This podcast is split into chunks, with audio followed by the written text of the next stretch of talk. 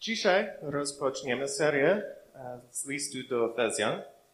Będzie to nieco różnić się od większości serii, jakie znamy. Jest tak, ponieważ współpracujemy w kilka osób, aby przerobić tę księgę, więc dzisiaj jest pierwsze kazanie, które wygłoszę ja, a za dwa tygodnie będziemy mieli następne. List do Efezjan jest czymś, czego nasz zbór potrzebuje w czasie, w którym się obecnie znajdujemy, ponieważ Paweł przedstawia tu jeden z najklarowniejszych opisów tego, jak powinno wyglądać życie chrześcijańskie i jak powinny wyglądać zbór. Tak więc, gdy będziemy przechodzić przez ten list, to pozwólmy na to, by Słowo Boże pobudziło nas do myślenia i kształtowało wizję tego, jak ma wyglądać nasza wspólnota.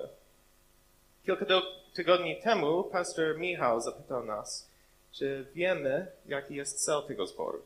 Czy wiemy, po co on istnieje.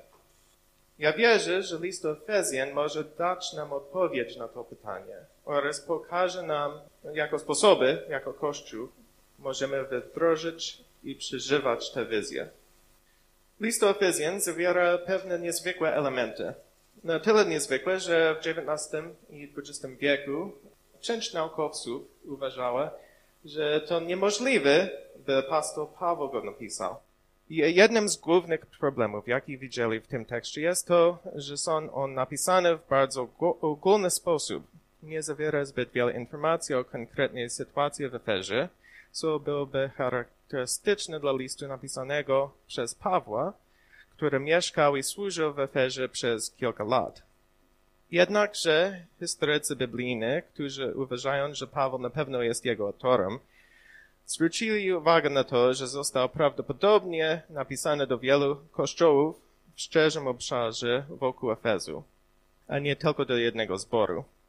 Wyjaśnia to, dlaczego ten list jest tak ogólny, ale także pokazuje współczesnym chrześcijanom, dlaczego jego treść jest tak ważna i koniecznie do zastosowania dzisiaj. Nie został napisany dlatego, by odnieść się do szczególnych okoliczności jednego zgromadzenia, ale po to, by odpowiedzieć na szczerych pytań i rozwiązać problemy, z którymi borykają się wszystkie kościoły chrześcijańskie. List do Efezjan pokazuje w sposób całościowy teologię Pawła, opisuje istotne elementy wiary chrześcijańskiej, które muszą być wyznawane, aby osoba lub Kościół mogły z czystym sercem uważać się za chrześcijańskie. W liście do Efezjan widzimy holistyczną wizję chrześcijaństwa i Kościoła, a w centrum wszystkiego jest Chrystus. Konkretnie chwała Chrystusa jest przedstawiona jako przyczyna wszystkiego, absolutnie wszystkiego. W ciągu następnych kilku tygodni zobaczymy, że ma to ogromne zastosowanie zarówno w naszym indywidualnym życiu, w życiu poszczególnych lokalnych kościołów, jak i w całym kościele na świecie. Więc dzisiaj przeczytamy rozdział 1, wersety od 1 do 14.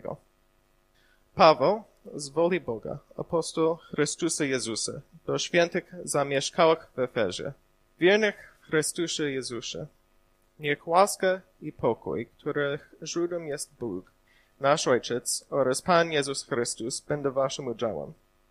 Niech będzie błogosławiony Bóg, Ojciec naszego Pana Jezusa Chrystusa, który nas Chrystusie obdarzył szczęściem uczestniczenia w wszelkim duchowym dobrodziejstwie nieba. On wybrał nas w nim przed założeniem świata, abyśmy wobec Niego byli święci nienaganni i żyli w miłości. Przeznaczył nas, abyśmy przez Jezusa Chrystusa stali się Jego dziećmi zgodnie z życzeniem Jego woli, dla tym większa chwała Jego łaski, który obdarzył nas w ukocha ukochanym. W Nim mamy odkupienie przez Jego krew, przebaczenie upadków według ogromu Jego łaski, te łaski hojnie nam udzielił we wszelkiej mądrości i zrozumieniu, gdy nam oznajmił tajemnice swojej woli, zgodnie ze swym życzeniem, które w nim wyraził. Uczynił to ze względu na plan obejmujący pełnię czasów, a zamierzające do połączenia w Chrystusie wszystkiego, tego co w niebie i tego co na ziemi. W nim też otrzymaliśmy dziedzictwo, jako przeznaczeni do tego zgodnie z zamiarem Boga, które czyni wszystkie, wszystko według postanowienia swojej woli, abyśmy żyli dla jeszcze większej Jego chwały. My, którzy już wcześniej złożyliśmy nadzieję w Chrystusie. W Nim i wy, gdy usłyszeliście słowo prawdy, dobrą nowinę o waszym zbawieniu i dzięki któremu uwierzyliście, zostaliście upieczętowani obiecanym Duchem Świętym. Ten Duch jest zadatkiem naszego dziedzictwa do czasu otrzymywania włas własności dla pomnożenia Jego chwały. Jednym z najbardziej fundamentalnych pytań, na które ludzkość próbuje odpowiedzieć jest, jaki jest cel naszego istnienia. Pytanie to zadawanie jest tak często, że mówienie o nim wydaje się banalne. Ale chciałbym zapytać, czy my mamy klarowną wizję odpowiedzi na to pytanie? Czy raczej mamy tylko mgliste pojęcie? Biblia daje jasną odpowiedź na to pytanie, ale nawet ci, którzy chodzili do kościoła przez całe życie, często mamy e, tylko mgliste pojęcie. My wiemy, że powinniśmy być dobrymi ludźmi, Możemy powiedzieć, że musimy wielbić Boga, ewangelizować tych, którzy są gubieni i kochać bliźnich. To wcale nie są źle rzeczy, ale to nie jest cała odpowiedź przedstawiona w liście do Efezjan przez Pawła. Mały katechizm westminsterski, który od czasu do czasu e, Janusz przeczytał, rozpoczyna się od jednego z najbardziej znanych sformułowań chrześcijaństwie poza Biblią. Pada tam pytanie – co jest nadrzędnym celem człowieka. A prosta odpowiedź brzmi, nadrzędnym celem człowieka jest chwalić Boga i radować się nim na wieki. Zobaczymy, przechodząc przez wersety 3 do 14, że Paweł w pełni zgodziłby się z tym stwierdzeniem. Jednak to nie jest tylko główny cel życia człowieka, ale sedno cała historia świata i przyszłości. Jest to dla nas wspaniałe wiadomości. Jest to dla nas dobre, ponieważ skoro mamy oddawać Bogu chwałę, to mamy również radować się w Nim. Często o tym śpiewamy, ale czy kiedykolwiek zastanowiliśmy się, co to znaczy radować się w Nim?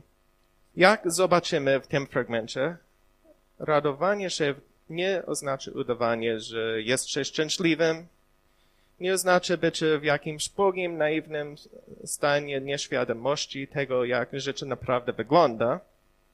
Zamiast tego jest to radość, która jest żywa i wypełnia człowieka. To radość kogoś, kto został uratowany z głębi piekła i uczyniony dziedzicem wiecznego królestwa.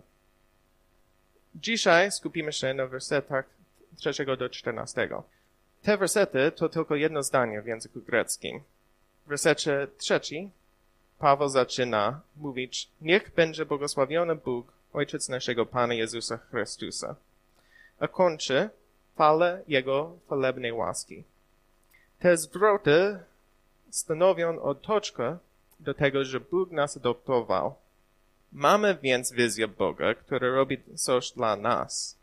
A tłem tej wizji jest oddawanie czci Bogu. W tym momencie widzimy już motyw, który będzie się przewijał przez cały ten rozdział.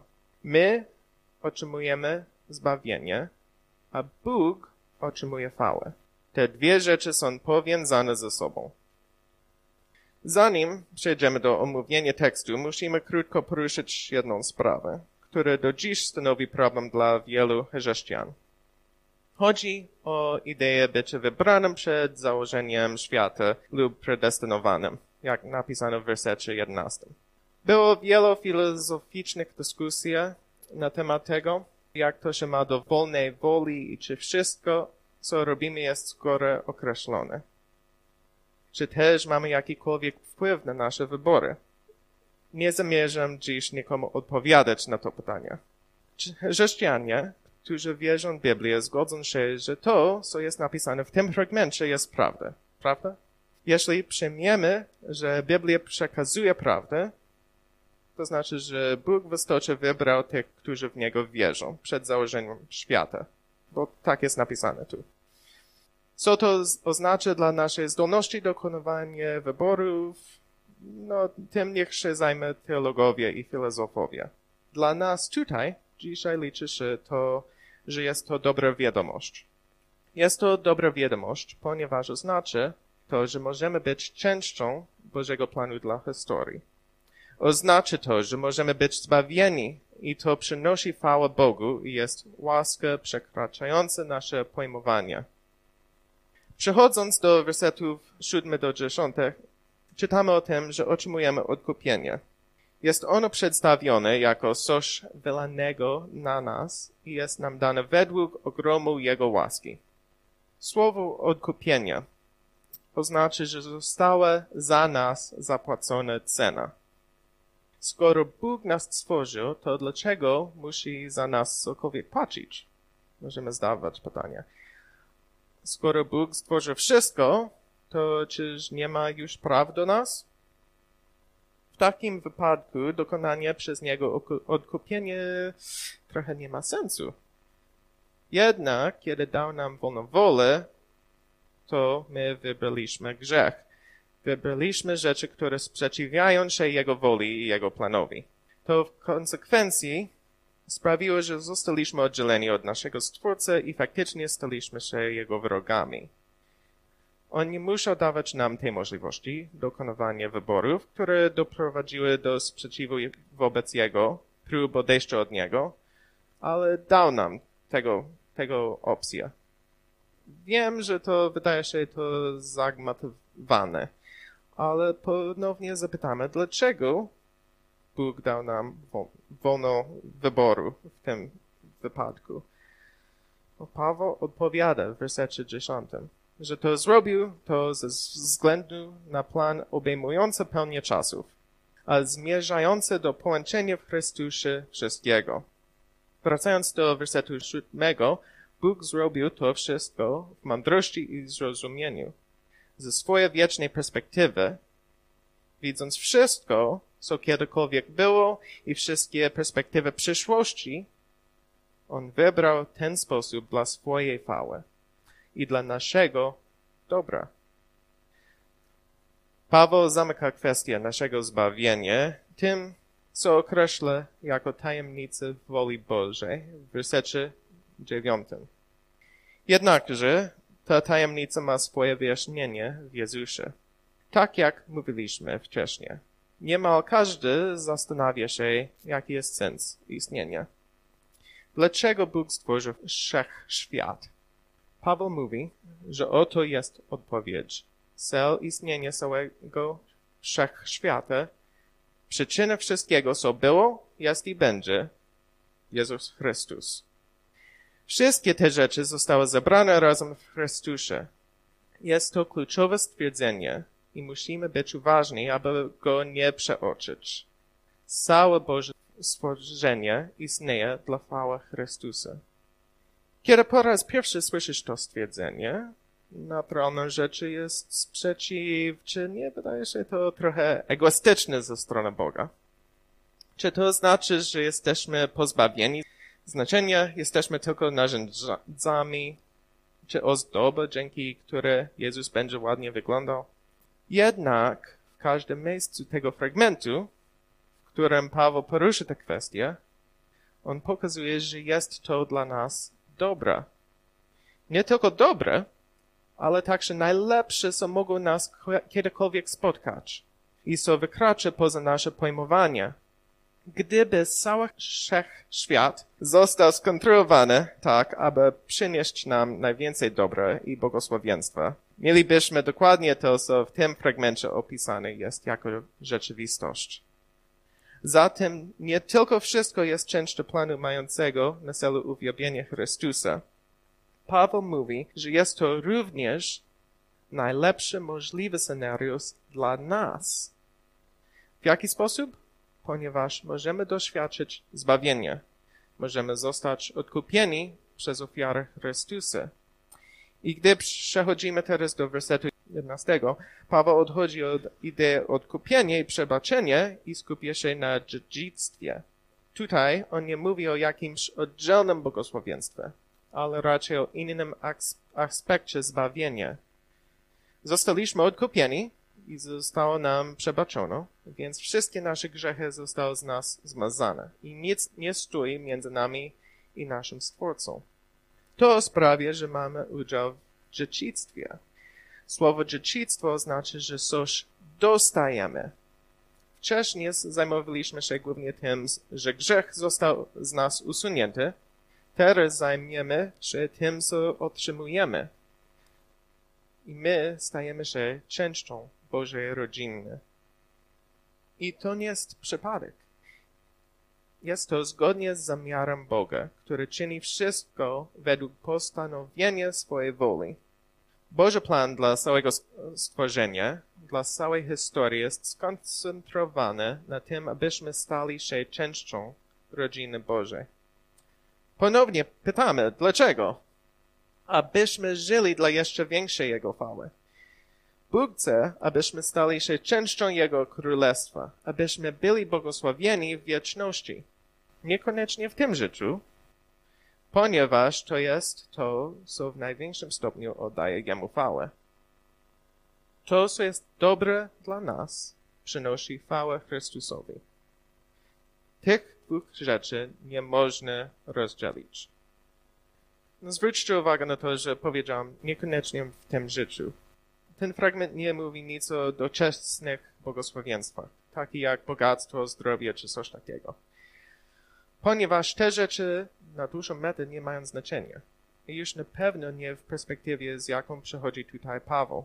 Z perspektywy wiecznego Królestwa Bożego, rzymskie błogosławieństwa nie są widziane jako dobre lub złe, nie są nawet omawiane, ponieważ nie mają na to wpływu.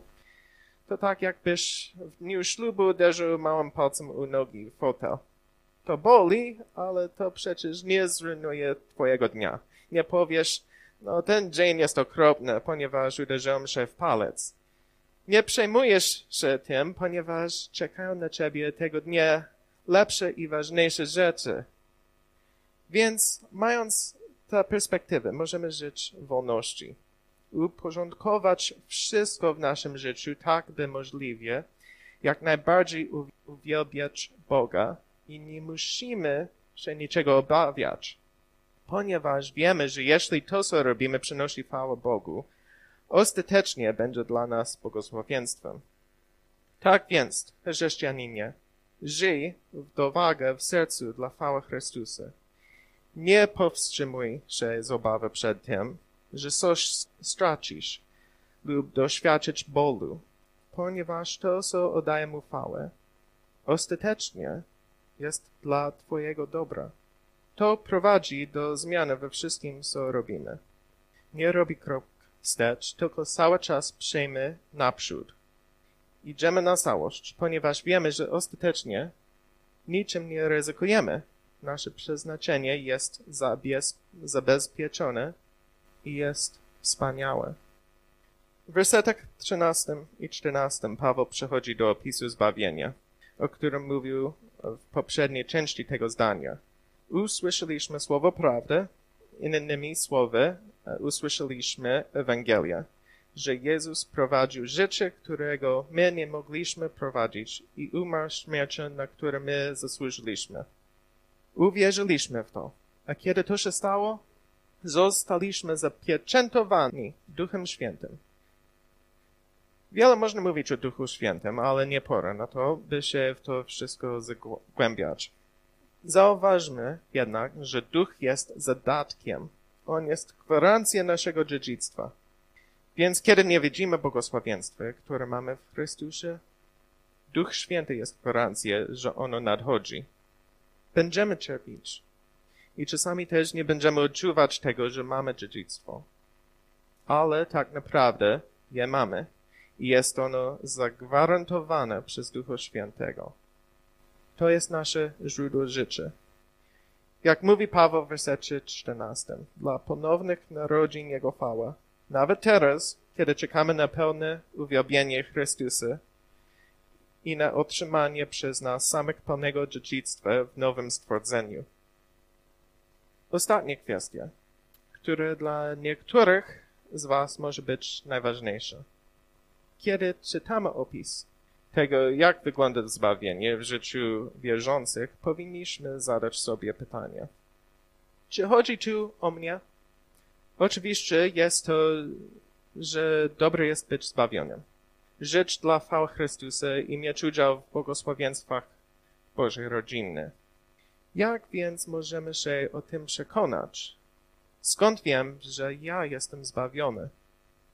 Odpowiedź na to znajdujemy w wersecie 13. Usłyszeliśmy słowo prawdy i uwierzyliśmy, a Bóg dokona dzieła.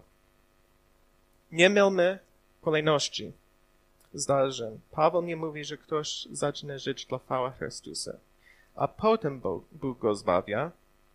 Bóg najpierw nas zbawia, a dopiero potem możemy w ogóle zacząć robić cokolwiek, cokolwiek, co mogłoby uwielbić Chrystusa. Chrystus jest najbardziej uwielbiony zgodnie z treścią tego fragmentu przez swoje własne działania, przez zbawienie, które nam dał. W rzeczywistości wszystkie czasowniki, jakie padają w tym fragmencie, które nie dotyczą słuchania i wierzenia, opisują to, co robi Bóg i nie my. I, Chrystu, e, I co to Chrystus robił dla nas.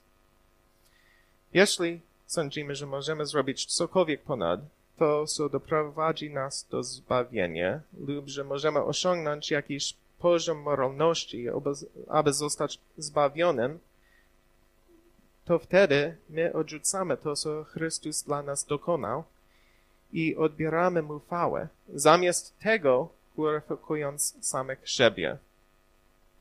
Więc jeśli nie wiesz, czy zbawienie, o którym mówimy, jest czymś, czego doświadczyłeś, jeśli nigdy nie uwierzyłeś w tę Ewangelię i nie zostałeś zapieczętowany przez Ducha Świętego, wiedz, że ta nadzieja jest dostępna dla ciebie.